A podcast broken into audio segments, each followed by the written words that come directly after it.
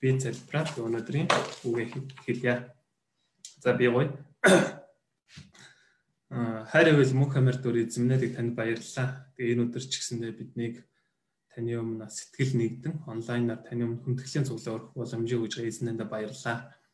Аа тань цагаа яг ариун сүнсээр өдрөдөн ивэж өгч онцгойлонда онлайн өргөж байгаа энэ цаг үе техник ямар нэгэн алдаагүй таны өмнө энэ хүндэтгэл мөрөглийг бид өргөж чадхад тусч өгөөч танаас их чинь болонгойж байна. Мөн дээрсэн та бас өнөөдөр бас сонсож байгаа хүний бүрийн дээр та ариун сүнсээр хамт байж хүн болгоны зүрхэнд хурж та үнэхээр өөр хөвгийг энэ цагт айлдаж өгөөч танаас хичээн болонгойж байна. Хав номлол яг хуваалж явах энэ үед сонсож явах яг энэ үед аваа та үнэхээр бид бүхнийг ариун сүнсээр хамгаалж таны үг зүр сэтгэлтэй чин сэтгэл хүлээж авч чадах боломжийг хангаж өргөж гуйж байна. Та энэ хөөц эхлэхээс үл өдрийн ивэж өгөөрэй. Бүх зүйлийг тань даатгаад таны хайртай хүү цорынгаа цаврагч эзэн Есүс Христ нэрээр гуйлаа. Амен. Амен. За өнөөдрийн номлын үхсдийн бус амьдын бурхан номлол Марк 13-ын 12-ын 13-аас 27 байгаа. Тэгээ гол ишлэл 12-ын 27. Тэр үхсдийн бус харин амьдын бурхан та нар ихэд төрөлжээ гэж хэлв. Өнгөрсөн 7 хоногийн номлолоор бид тариаланч тариаланчийн сургаалт зөвлөлийн талаар сурсан.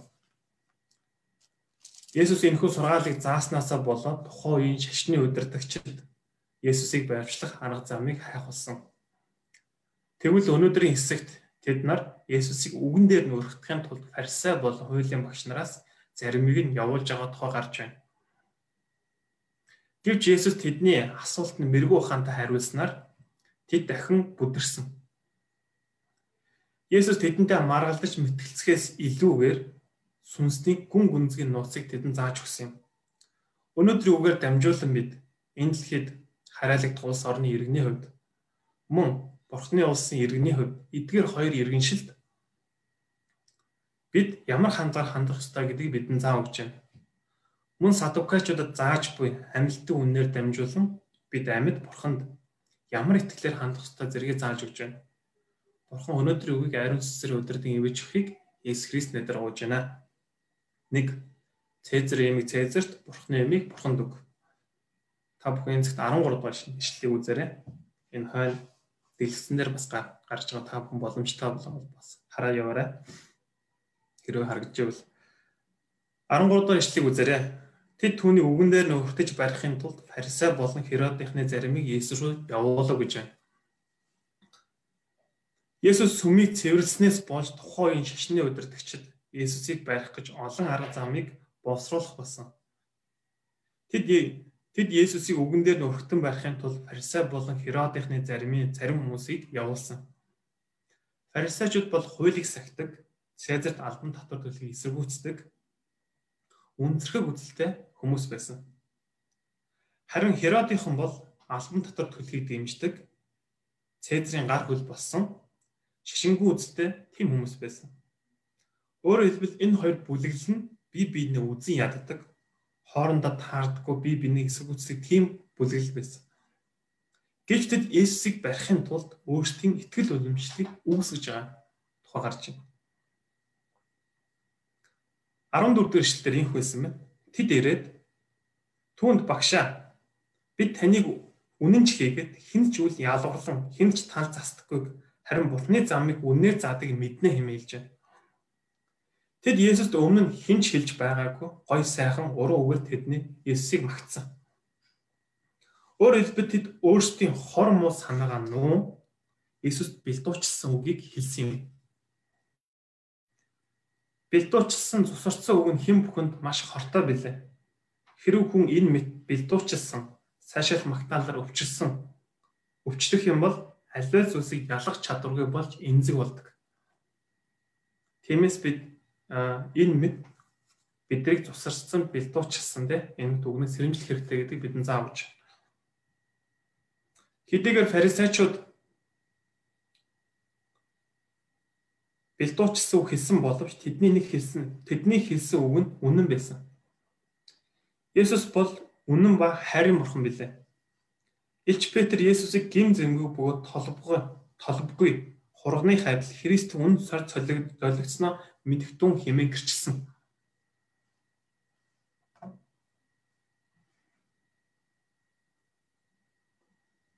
Есүс гим зэмгүй цэвэр ариун байсан учраас үннийг заадаг, хэнийг ч үл ялгарладаг нэгэн байв.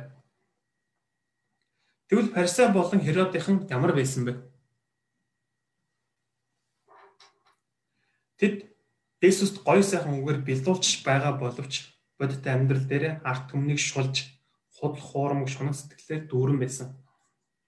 Тэд аман дээр гоё сайхан үг хэлж ярьдаг дотоод зүрх сэтгэл нь бузар муугаар дүүрэн байсан билээ. Эндээс бид энэ мэд фарисеуд фарисеучуудын адил аман дээр гой сайхан үг хилчээд дотоод зүрх сэтгэлдээ хорон мөг тээж байвал тэднээс ялгагдахгүй юм. Өөрөөр хэлбэл бид бүтэнсэ өдөр Бурхныг Бурхны агуу хайр ба уучлалыг магтан дуулчаад Бурханд алдар магтаалыг өргөдөг хэрнээ. Иргэн тойронд байгаа хүмүүсийн өчүүхэн алдааг уучлахгүй тэдний үзэн ядаж хайрлаж чадахгүй. Сайныг ботор тэдэнд үйлдэж чадахгүй бол энэ хоёр нүр гаргаж байгаа бэлдуучилж байгаа хэрэг юм. Хэрв ийм хандлага бидэнд бол гимшиж Иесус адил үнээр амьдрахын хичээх хэрэгтэй билээ. Тэд Есүст бэлдуучсан үг хэлснийхаа дараа ийм энхүү асуусан байна. Цэзарт албан дотор төлөх нь хуульд нийцгүй үгүй юу хэмээн асуусан. Энэхүү асуултыг бид нар ингээд сайн ажиглан харах юм бол энэ асуулт нь тийм буюу үгүй гэсэн юм хоёрхан хариулттай байгаа. Тэгээд хэрвээ Есүс тийм хэмээн хариулбал Цэзарт алдан татвар төлөх дургу арт түмний дургуцлыг хүргэх байсан. Харин Есүс үгүй хэмээн хариулбал Цэзарт албан татвар төлөхийг дэмждэг Херодоохны бүлэглэл бүлэгэл түүнийг баримтлах хангалттай шалтгаан болох байсан. Өөрөөр хэлбэл Есүс Э, ямар ч гарах гарцгүй мэт болсон байгаа. Тэгвэл энэ үед Есүс тэдэнд хэрхэн хариулсан бэ? 16-аас 17 дугаар ишлэлийг үзээрэй. Аа тэд Есүст бэлдууч сүг хэлсний 16 17 дугаар ишлэлээр ийхүү хэлсэн байна. Надад динар авчиж үзүүл гэв. Тэд нэг динар авчирсан Есүс энэ хиний дүрс бичээсэ гэхэд тэд цэзрэх гэлээ. Есүс тэдэнд Цэзар эмийг Цэзарт Бурхны эмийг Бурханд өг гэж айлдлаа.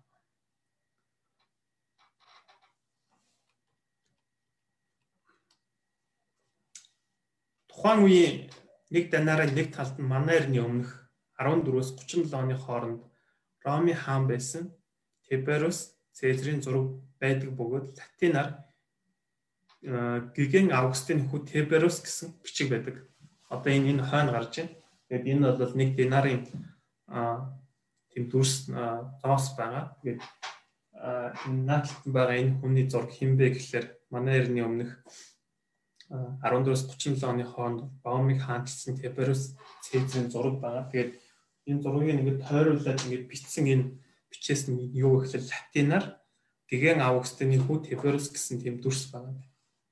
А харин нөгөө хоёр дахь зураг нь тодорхойлохоор юу гэхлийн талаар нэг динар нөгөө тал нь байгаа. Тэгээ энэ дээр байгаа энэ зураг нь ямар зураг вэ гэхэлэр Ромын их тайрны бурхан болох Пах гэдэг бурхны зураг байгаа. Тэгээд үүнийг нь тойруулаад бас тати үсэг байгаа. Энэ тати үсэг нь ямар үсэг вэ гэхэлэр тэрүүн тавьчих гэсэн утгатай юм үсэг байна. Өөрөөр хэлбэл тухайн ийм нэг динарын зоосыг тохойд ингээд ашигладаг байсан.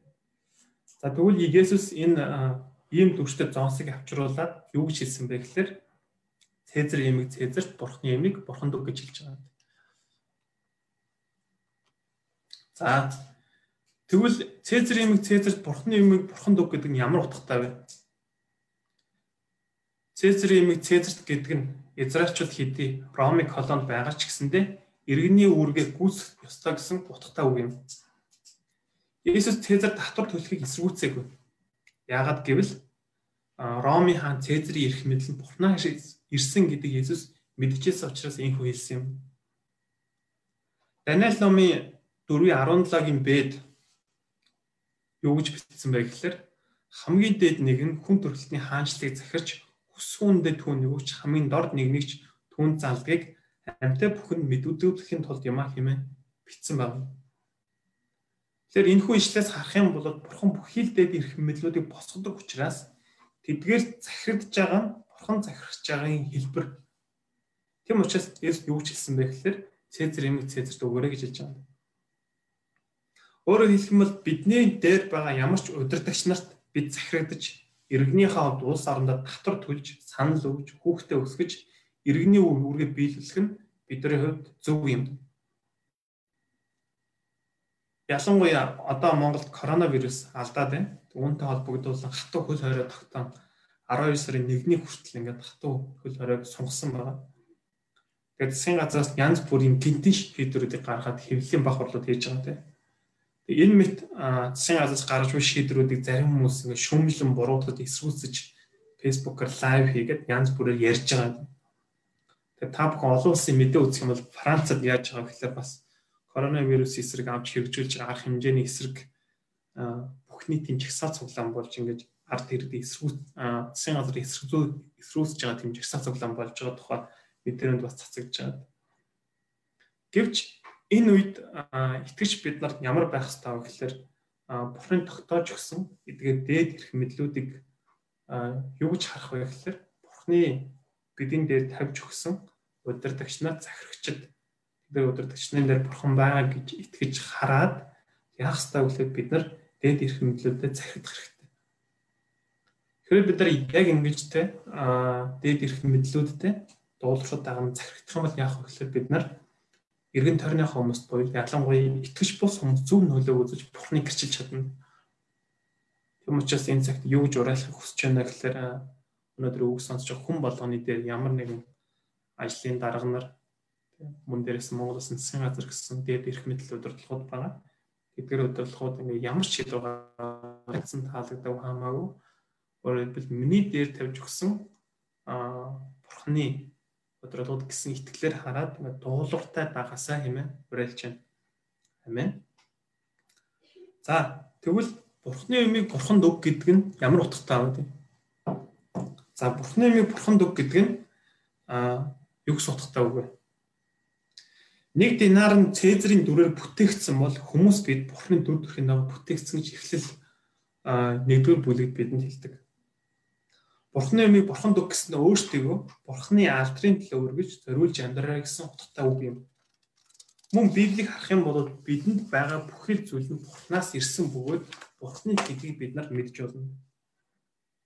Өөрөөр хэлэх юм бол миний амнаас үр хүүхэд, гэр бүл, материалын эд зүйл, ажил мэргэжил, залуунаас аяас чадвар, амьдрал гээд надад байгаа бүхэл зүйл нь Бурхан Бурхных гэдгийг бид нар мэдж болно. Үүнийг бид хэзээч мартаж болохгүй. Тиймээс бид энэ бүгдийг Бурхны алдрын төлөө зориулж амьдрах ёстой. Өөрөөр хэлбэл ихэнх хүмүүс эдгэр зүйлсийг юу гэж боддог вэ гэхээр минийх гэж боддог. Тэгээд энэ бүх зүйлх эзэн байх гэж хичээдэг. Гэвч Бурхны өмнө энэ зүйл нь болохгүй гэж зүйл хэлж байгаа. Тиймээс Бурхан бидний хүн нэг бис надад хариуцуулж өгсөн энэ бүх зүйл талархаж чин сэтгэлийн хүндэл бол хайлын хайрын илэрхийллийг бурхан бидраас хүсдэг. Үүний нэг нь бол бурханд өргөж байгаа бидний санхүү мөнгөний 11 байгаа. Бурхан 11-ээс гадна биднийг бүх зүрх, бүх сэтгэл, бүхэл хүч чадлаараа бурхныг хайрлан амьдраасаа хэмээн бидраас хүсдэг. Бид бурхны ямиг бурханд өргөнө гэдэг нь Бурхныг бүх зүрх, бүх сэтгэл, бүх чадлаараа хайрлахаас эхэлж байгаа эхэлдэг байгаа юм. Өөрөөр хэлбэл олон хүмүүс Бурханд би ийм зүйлээ өргөн, ийм авьяасаа зориулна, түүний төлөө ийм зүйлийг хийнэ гэж хэлдэг, ярьдаг. Энэ бүгд нь юу гэхээр мэдээж зөв. Гэхдээ энэ бүгд нь Бурханд өргөж байгаа зүйлсийн хамгийн эхлэлийн цэг буюу хамгийн ихний зүйл нь биш гэнэ. Харин бид Бурхныг хайрлах хай, өөрөөр хэлбэл Бурхныг хайрлах хайр бидэнд байхгүй бол Бурхны төлөө хичнээн их зүйлийг хийж, хичнээн их зүйлийг өргөсөн ч энэ бүгд нь хоосон зүйл болно. Харин танд Бурхныг хайрлах хайр байвал түүний төлөө юу ч хийж, юугаач өргөж, юугаач зориулж бид шатна. Бүр өөрийн хийж чадахгүй байгаа зүйлийг хийж, хүлэн зөвшөөрмөг зүйлийг хүртэл бид хүлэн зөвшөөрч чаддаг. Тэм учраас энэ цагт те чуулганыхаа бүхэл хүмүүсүүдийг бурханд бурхны ямыг бурханд өргөдөг хүмүүс болцгоё гэж та бүхнээс уриалж байна. Амен. Хоёрдугаар хэсэг үхсдийн бус амьдын бурхан. Одоо бүгдээр 18 дугаар ишлэгийг үзээрэй. А амьл гэж байхгүй хэмээн ярддаг садукачуудын зарим Есүсээр ирээд түүнээс асуусан гэж байна. Садукачууд бол Ромын засаглалыг дэмждэг эд хөрөнгөтэй хүмүүс байсан. Тэд евдээчүүдийн ахмадын ёс заншил ба ам дамжиж ирсэн уламжлуудыг сахидаг боловч Мосе уламжлуудыг сахидаггүй боловч Мосегийн эхний 5 номыг чухалчилдаг тийм бүлэгэл хүмүүс байсан. Тэд амьдлт гэж байхгүй юм үздэг учраас үздэг бөгөөд үүнээс гадна Тэнгэрлэгч сүнс ирээдүйн шийтгэл зэргийг хүртэл үгүйсгдэг байсан. Тэд ийхүү үзэлтэй байсан шалтгаан нүдэнд харагдах бодит зүйлс болох материалын зүйлсээс илүү а нүдэнд харагдах бодит зүйлс болох материалын зүйлсийг илүү чухал тооцдог байсан учраас тэд месиа буюу аврагчийг хүсэн үлээдэггүй амьлтын талаар юу чухал тооцдог байсан юм. Өөрөөр хэлбэл тэд гадна талаар бурханд итгэдэг, үйлчдэг боловч дотоод зурс сэтгэлдээ тийм бурхангүй үзэлтэй хүмүүс байсан гэж байна. Тэгвэл ийм хүмүүс Есүс дээр ирээд юу ч хэлсэн байх юм. Одоо бүгдээрээ 19-с 22 дугаар ишлэлийг үзээрэй. Тэд амьдлт байхгүй хэмээн батлахын тулд Дитхөл намын 5-ын 25-ын 5-аас 10 дээр үндэслэн хачин түүх зохион Есүс түрүүнд бидний уншсантай ах トゥ долоо байсан хамгийн том ах нь их нэртэй болсон. Гэвч тэрээр хүүхэдтэй болж чадлаггүй нас барсан байна. Дараа нь Мосегийн хуулийн дагуу хоёр дахь хүүхэд нь ахын дүүн яасан бэл их нэртэй гэрэлсэн. Тэгээд тэр ч бас санамсргүй байдлаар нас барсан байгаа тийм. Гурав дахь нь ч мөн адил ийм байдлаар явсаар долуулаа нас орж байгаа.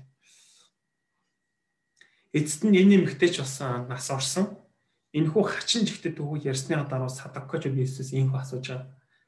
Амьлдад тэд тэр хэнийх нь эхнэр болох вэ? Учир нь тэр долоо бүгдрээ түнтэг гэрэлсэн шүү дээ хэмээн хэлсэн баг. Тэгэхээр та бүхэн энэхүү хачин жигтэй дүүгээс сайн ажиглан харах юм бол садаккочд үндсэн үзэл тэдний асуудлыг бид нар энэ мэдэж болно. Тэгээд тэд ямар хүмүүс байсан бэхлээр хүний оюун ухаан хүчээр ойлгож байгаа зүйлийг хүлээн аваад түүнээс авсан зүйлийг ойлгож хүлээн авдаггүй тийм хүмүүс байсан. Өөрөөр хэлбэл тэд энэ дэлхийн ертөнцөөр бүх зүйл хязгаарлагддаг хэмээн үздэг байсан. Өөрөөр хэлбэл үгээр бүх зүйл дуустдаг хэмээн боддог байсан. Ийм хүмүүс ийм хүмүүс нь хэрхэн амьдардаг вэ гэхлээр ийм хүмүүст итгэл найдар байхгүй, үхлийн хүчнээр нар боочлогдсон, айдас ханаа зовроо дүүрэн амьдардаг. Энэ төрлийн хүмүүс нь маш өрөвдөлтэй бөгөөд өнөөдөр өөрөөр хэлбэл бурхангүй итгэж бус хүмүүсүүд нь яг энэ садокачуудтай адилхан юм хэлж байгаа. За тэгвэл энэ хүү дүүгийн хачин жигт дүү яриад Есүс асууж байгаа асуугаад асууад ирэхэд Есүс тэдэнд юу ч хэлсэн байд бүгдээрээ 24 25 дахь ишлэгийг үзээрэй. Есүс тэдэнд та нар бичвэрийгч Бурхны хүчийг мэдхгүйгээсээ төрөлж байх хэрэгэ хэрэг босоо. Учир нь үхсдээс амьдлахад тэр гэрлэгчгүй нөхөрт гарахчгүй харин Тэнгэрлэг Тэнгэрлэгч нартай адил болох юм хэмээн хэлсэн. Есүсийн хэлж байгаа энэ 24 25 дахь ишлээс үзвэл яг садукачд хамгийн гол асуудал нь юунд байсан бэ гэхээр бичвэр болоод Бурхны хүч чадлыг мэдхгүй байгаа явдал юм а хэмээн Есүс хэлсэн. Өөрөөр хэлбэл садукачууд нэгдүгээр бичвэрийг ойлгоогүй. Садукачууд хуучин гэрээний Мосгийн 5 номыг хичээнгүйл уншиж цээжилдэг тийм хүмүүс байсан. Гэвч тэд Мосгийн 5 ном амьлтын талаар тодорхой заагаагүй учраас амьлт байхгүй хэмээн тэд нар үздэг байсан. Тэд ийм ойлголттой болсон бичвэрийг хүний оюун ухаан бодол санаар ойлгохыг хичээсэн учраас тэд ийм болсон гэж байна. Өөрөөр хэлбэл тэд бичээсийг буюу Библийг мэдлэг төдийг хүлээн авч гүн гүнзгий нуудж байгаа амьдлтын үннийг ухаарч чадаагүй. Ухаарч чадаагүй. Тэгэхээр энэ энэ садукачудаас бид нар юу сурч болох вэ гэхээр хэрэг бид Бурхны үг болон Библийг хүний санаа, оюун ухаанаар хандах юм бол түүний дотор нуудж байгаа амийг олж чадахгүй гэдэг бид нар энэ шиг сурч болно. эцэст нь бид садукачууд шиг төрөлт болно. Тиймээсээ бурхны үг болон үг болно Библиэд хандахтаа хүний санаа хязгаарч хандж болохгүй гэдгийг бид нар зааж өгч байгаа. Өөрөөр хэлбэл Библийг бид нар сайн харах юм бол бурхны үг болон бичээс Библийн бурхны амьсгалаар буюу ариун сүрээр дамжуулан бичигдсэн гэж байна. Тэр бид нар Библийн үг болсон те судрыг бурхны үгийг ариун тусламжаар тийм үү гуйж түүний тусламжаар таагаад бид судлах хэрэгтэй гэдэг. Өөрөөр хэлбэл бид Библийг судалж байгаа хамгийн гол зорилго бол мэдлэг төдий те хүлээж авах бус харин амьд бурхантай уулзаж түүний талаар таньж мэдэж түүний хүсэл дуулыг сонсож түүнтэй зөв харилцаа тогтоох нь хамгийн чухал. Түүнд Библийг мэдлэгээр хүлээж авах нь юм чухал шүү дээ. Тэгэхээр бид нар яах ёстой вэ гэхээр бурханы үг болсон Библи тийм юм ингээд а хүний санаар хандж болохгүй гэж хэлж өгч байна. Хоёрдугаарт нь садукчууд бурхны хүч чадлыг мдээгүй гэж байна. Бурхан анх хүн төрлөختний бүтээх үед энэ дэлхий дээр амьдрахад тохирсон махан биеийг өгч өсөн үржүүлэхийн тулд гэрэлтийг анх зохиосон байгаа тийм. Гэж бид үхээд дахин амьлуулах үед бүх зүйл өөр байна гэж Библи бидэнд хэлдэг. Өөрөөр хэлбэл Бурхан оргууг хаосноос орчлын ертөнцид бүтээсэн бүтээгч учраас мөн бидэнд амийг хүртэл өгөх хүч чадалтай эзэн гэж бид эзэн гэж Библи бидэнд хэлдэг.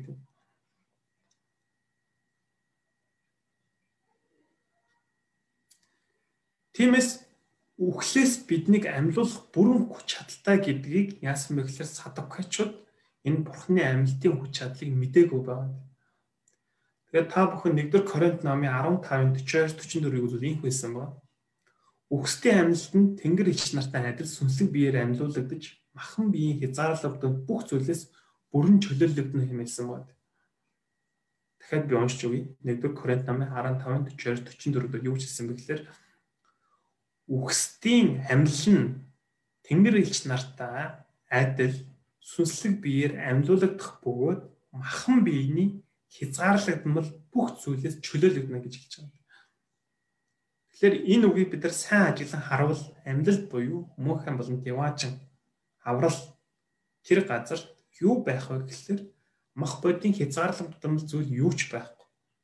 Өөрөөр хэлбэл мах бодийн өвчин зовлон, уйдгар гуниг, ганцаардл тийм гэрсэн осуудын бие биений хүссэн тэмүүлүү тийм хүсэл эсвэл тэ зөвхөрөх, зөвхөрсөн сэтгэл гэх мэтчлэндээ махан биетэй холбоотой зүйл тэнд ганцч байхгүй.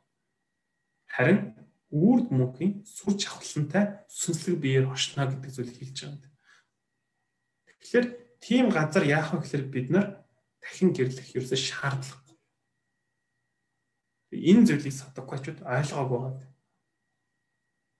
Тэгэд Есүс үргэлжлүүлэн яасан бэ гэхээр садукачууд амьлтын талах үнийг батлахын тулд тэдний уншдаг Мосегийн гэтэл намаас иш татан инх үйлж байгаа.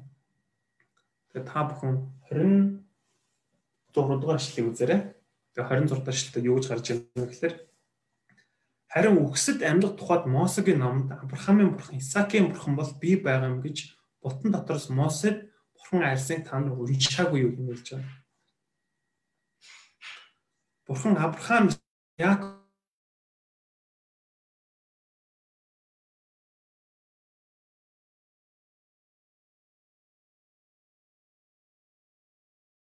үзэгдэхдээ юу гэж хэлсэн бэ гэхээр үгсэн Авраамийн бурхан, үгсэн Исаакийн бурхан, үгсэн Яаковын бурхан бол би байгаамаа хэмээн юус хэлэг байгаа.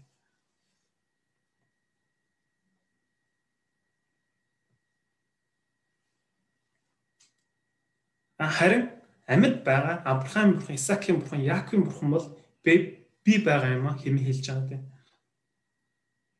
Тэгээ та бүхэн Авраам, Исаак, Яаковын энэ дэлхий дээр амьдсан амьдралыг ингээд ерөөхдөө нь дүгнэн базаад хэлвэл Авраам, Исаак, Яаков нар энэ дэлхий дээр амьдрахдаа яаж амьдсан бэ гэхээр энэ дэлхий дээр амьдрахдаа зөвхөн бурханд итгэлээр үл итгэлээр дүүр энэ дэлхийд яасан гэхээр зөвхөн амьд бурханд итгэлээр амьдснараа Израилийн түүхэнд итгэлийн үг дээдс болсон байна.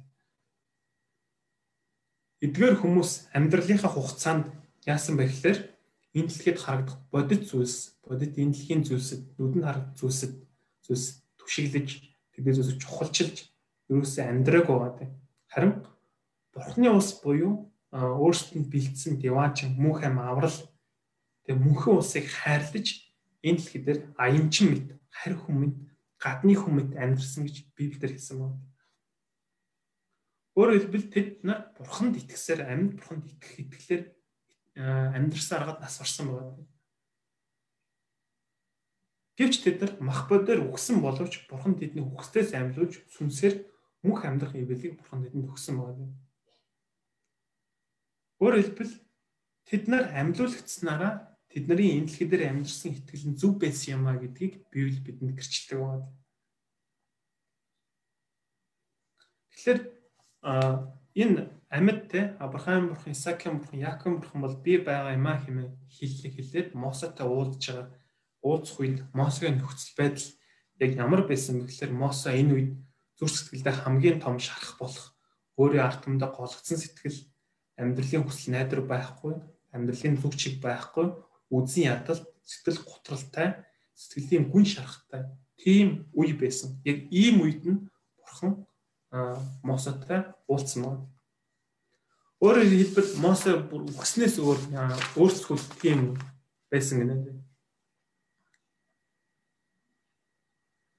Гэвч Мосагийн ингээд бид нар Мосегийн төвийг сайн харах юм яасан бэ гэхээр яг л энэ Авраам бурхан, Исаакийн бурхан, Яаков бурхан бол би байгаа юм хэмээх хийж энэ бурхантай яг уулзаж яг энэ бурханд яг итгэсэн тэр бут шатж байгаа тэр буттай тэр бурхантай яг уулзсан тэр юм хүчээс ихтэй яасан бэ гэхээр Мосе жинхэнэ амьтаа болсон гэж хэлж байна. Өөрөөр хэлбэл тэрээр энэ л үеэс хойш бурханд итгэх итгэлээр Египтод 10 гайхамшиг үлдэж Израильчуудыг боолцоод чөлөөлөн түүхийн агуун болсон байна. За би та бүхэн дахиад хэлж өгье.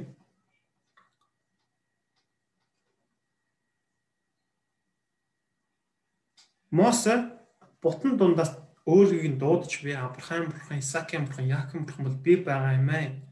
Дуудаж энэ бурхантай уулзаж түүнд итгэсэн тэр мөчөөс эхлэн Мосе жинхэнэ амьтаа болсон. Тэр үеэс эхлэн хойш Мосе бурханд итгэх итгэлээр Египтэд 10 гайхамшиг үйлдэж Израильчүүдийн босож чөлөөлөн түүгийн агуун болсон байна. Өөрөөр хэлэх юм бол бид нар Мосег те Египт 10 гайхамшиг үйлдэж улаан тэнгисийг хувааж те цөлийн замаар Израиль ард түмнийг те дагуулж тэрээс Израильчуудыг Египтийн босож чөлөөс тийм агуу агуу итгэлтэй хүн гэж бид нар хардаг те. Тэгвэл ийм агуу итгэлтэй болсон шалтгаан нь юу гэхээр Мосе яг энэ те Авраам бурхан, Исаакийн бурхан, Яаков бурхан байна шиг энэ амьд бурхан те та уулзаад энэ бурханд итгэсэн яг тэр мөчөөс эхлэн Мосе ийм агуу итгэлийн болсон гэнэ. Тэгэхээр энэ бүгдээс бид нар ингээд юуг сурж харж болох вэ гэхээр өөрийг нь амьд хүч чадалтай мөнхийн гэдэгдэх мөнхийн гэдэгт итгэдэг хүмүүст бурхан жинхэнэ амийг өгдөг гэдгийг бид нар мэдж болно. Ам гэдэг нь бид нар юу болж болох мах бодийн ам гэрээс хэлэг энэ сүнсний ам гэж хэлж байгаа. Мөн дэрс нь бурхан энэ дэлхий дээр амьдрах хугацаанд жинхэнэ амьдралын зүгчийг алсын хараа итгэл найдвар зэргийг өгч авралын ажлаар нандинаар хэрэглэн ирэх үед мөнхийн амьд хүртэл хөтэлдэг гэдгийг бид нар энэчээс сурж болно. Хэрвээ бид нар энэ л дээр итгэлийн баатар ус шиг ийм л амьд итгэлтэй байх юм бол энэ дэлхийд юунч итгэл хорогдохгүй, хүлэгдэхгүй бөгөөд эзний төлөө бүхэл зүйлээ зориулан, золиослон амьдарч чадна гэнэ. Тэгэхээр одоо өнөөдрийн үг сонсож байгаа хүн болгоныг одоо яг энэ цагт анхаарлаа сонсоор одоо би нэг асуулт явууж байгаа. Энэ цагт таны зүрх сэтгэл яг хаана байна вэ? Энэ цагт таны зүрхсэтгэл яг хаана байна? Өөрөөр хэлбэл таны сэтгэл юунд илүү хорогдсон, юуг илүү чухал тооц амьдарч байна вэ? Магадгүй садукачууд чиг те гадна талаараа бурханд үйлчилдэг, бурханд итгэдэг гэдэг боловч дотоод зүрх сэтгэлд нь амьд бурханд итгэхгүй амьдарч байгаа юм биш үстэй.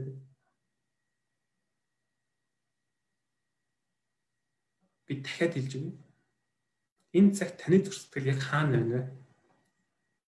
Юунд илүү хорогдон, юуг илүү чухал тооцоо амьдарч байна вэ? Магадгүй садукачууд чи гадна талаараа бурханд үйлчилдэг, бурханд итгэдэг гэдэг бол зүрх сэтгэл чинь амьд бурханд итгэхгүй, итгэлгүй амьдарч байгаа юм шиг үстэй. Хэрвээ тийм байвал бурхнаас хичээнгүйлэн гуйж Авраам, Исаак, Яаков, Мосе нар шиг бурхан танц амьд итгэлд амьдрэх хүмүүсээр өсөхийн төлөө энэ гойцгаая. Бурханы очицгаая. Амен. Тэгээд та бүхэн 27 дугаар ишлэлийг үзээрэй хамгийн сүүлч ишлэл байгаа. Тэгээд Есүс өнөөдрийн сургаалаад өмнө нь ийхүү хэлсэн байгаа. Тэр үхсдийн бас амьдын бурхан юм аа. Амен. 27 дугаар ишлэл үзээрэй. Тэр үхсдийн бус харин амьдын бурхан юм аа. Тэгэд энэ 27 дугаар энэ ишлэл болоод ирэхлээр өнөөдрийн номлолын хамгийн дүнэлт гэсэн байна. Тэгээд 27 дугаар ишлэлээр гарч байгаа үхсэд гэдэг нь хэнийг хэлж байгаа гэхээр садукачуудыг бурханд итгэдэггүй, сүнслэг зүйлсийг чухалчилдаггүй, мах бодоор амьд болж сүнсээр өхмөл хүмүүсийг хэлж байгаа гэж байна. Харин амьд гэдэг нь Авраам, Исаак, Яаков, Мосе нар шиг бурхан бол амьд юмаа гэд итгэдэг, амьд итгэлээр амьдрдаг Бурхан бол амьд юм гэсэн итгэлээр амьдрэх хүмүүс хэлж байгаа юм.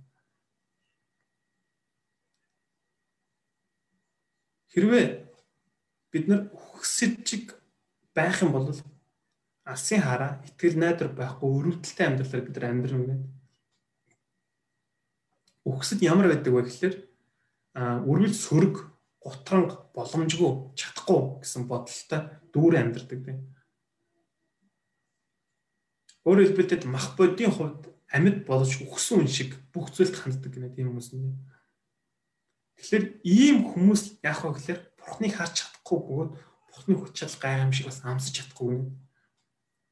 Өөрөөр хэлбэл үхсэд бурхны гайхамшиг болон хүч чадлыг амсаж чадахгүй гэж юм.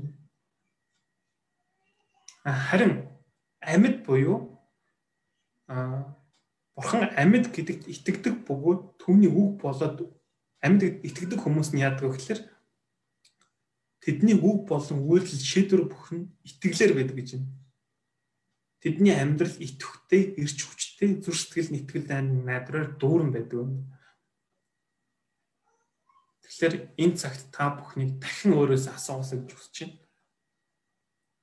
Та амьд байна уу? Эсвэл хүссэн байна уу тийм?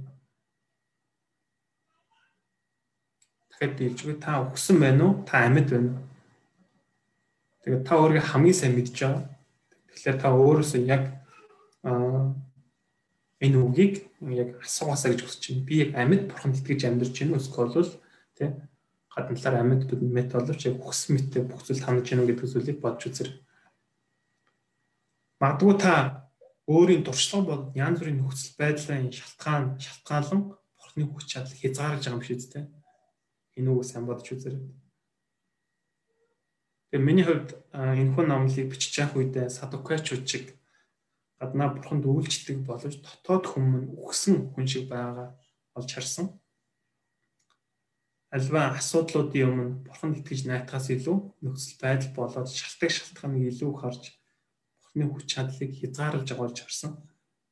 Тэгээд ийм байгаа, ийм сэтгэлтэй байгаа энэ сэтгэм чинь мөн бурхан Мосе дээр ирээд Авраамын бурхан, Исаакийн бурхан бол би байгаамаа гэж хэлээд Мосег итгэлийг шинжилсэн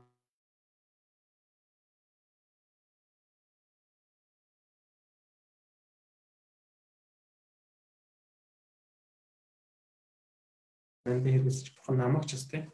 Энэ номлоор дамжуулан Авраам бурхан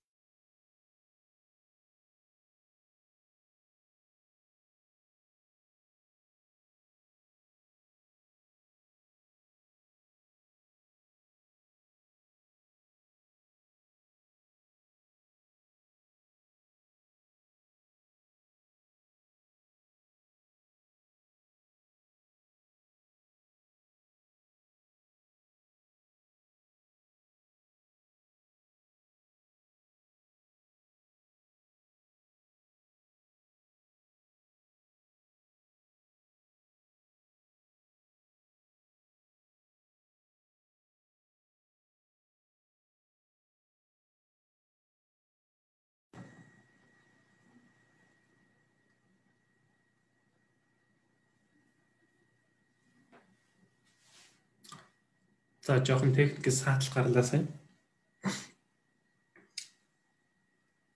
Тэгэхээр хайртай бурхан минь энэ цагт нөхцөл байдлаас хамаардаг итгэлийг гэмшиж байна. Итгэл нэмж өгөөрэй. Хоошид амьд бурханд амьд итгэлээр амьдрснаар энэ цаг үеийн авралын ажилд нандинаа хэрэглэж чадахыг хүсэн гуйж байна. Дүгнэлт.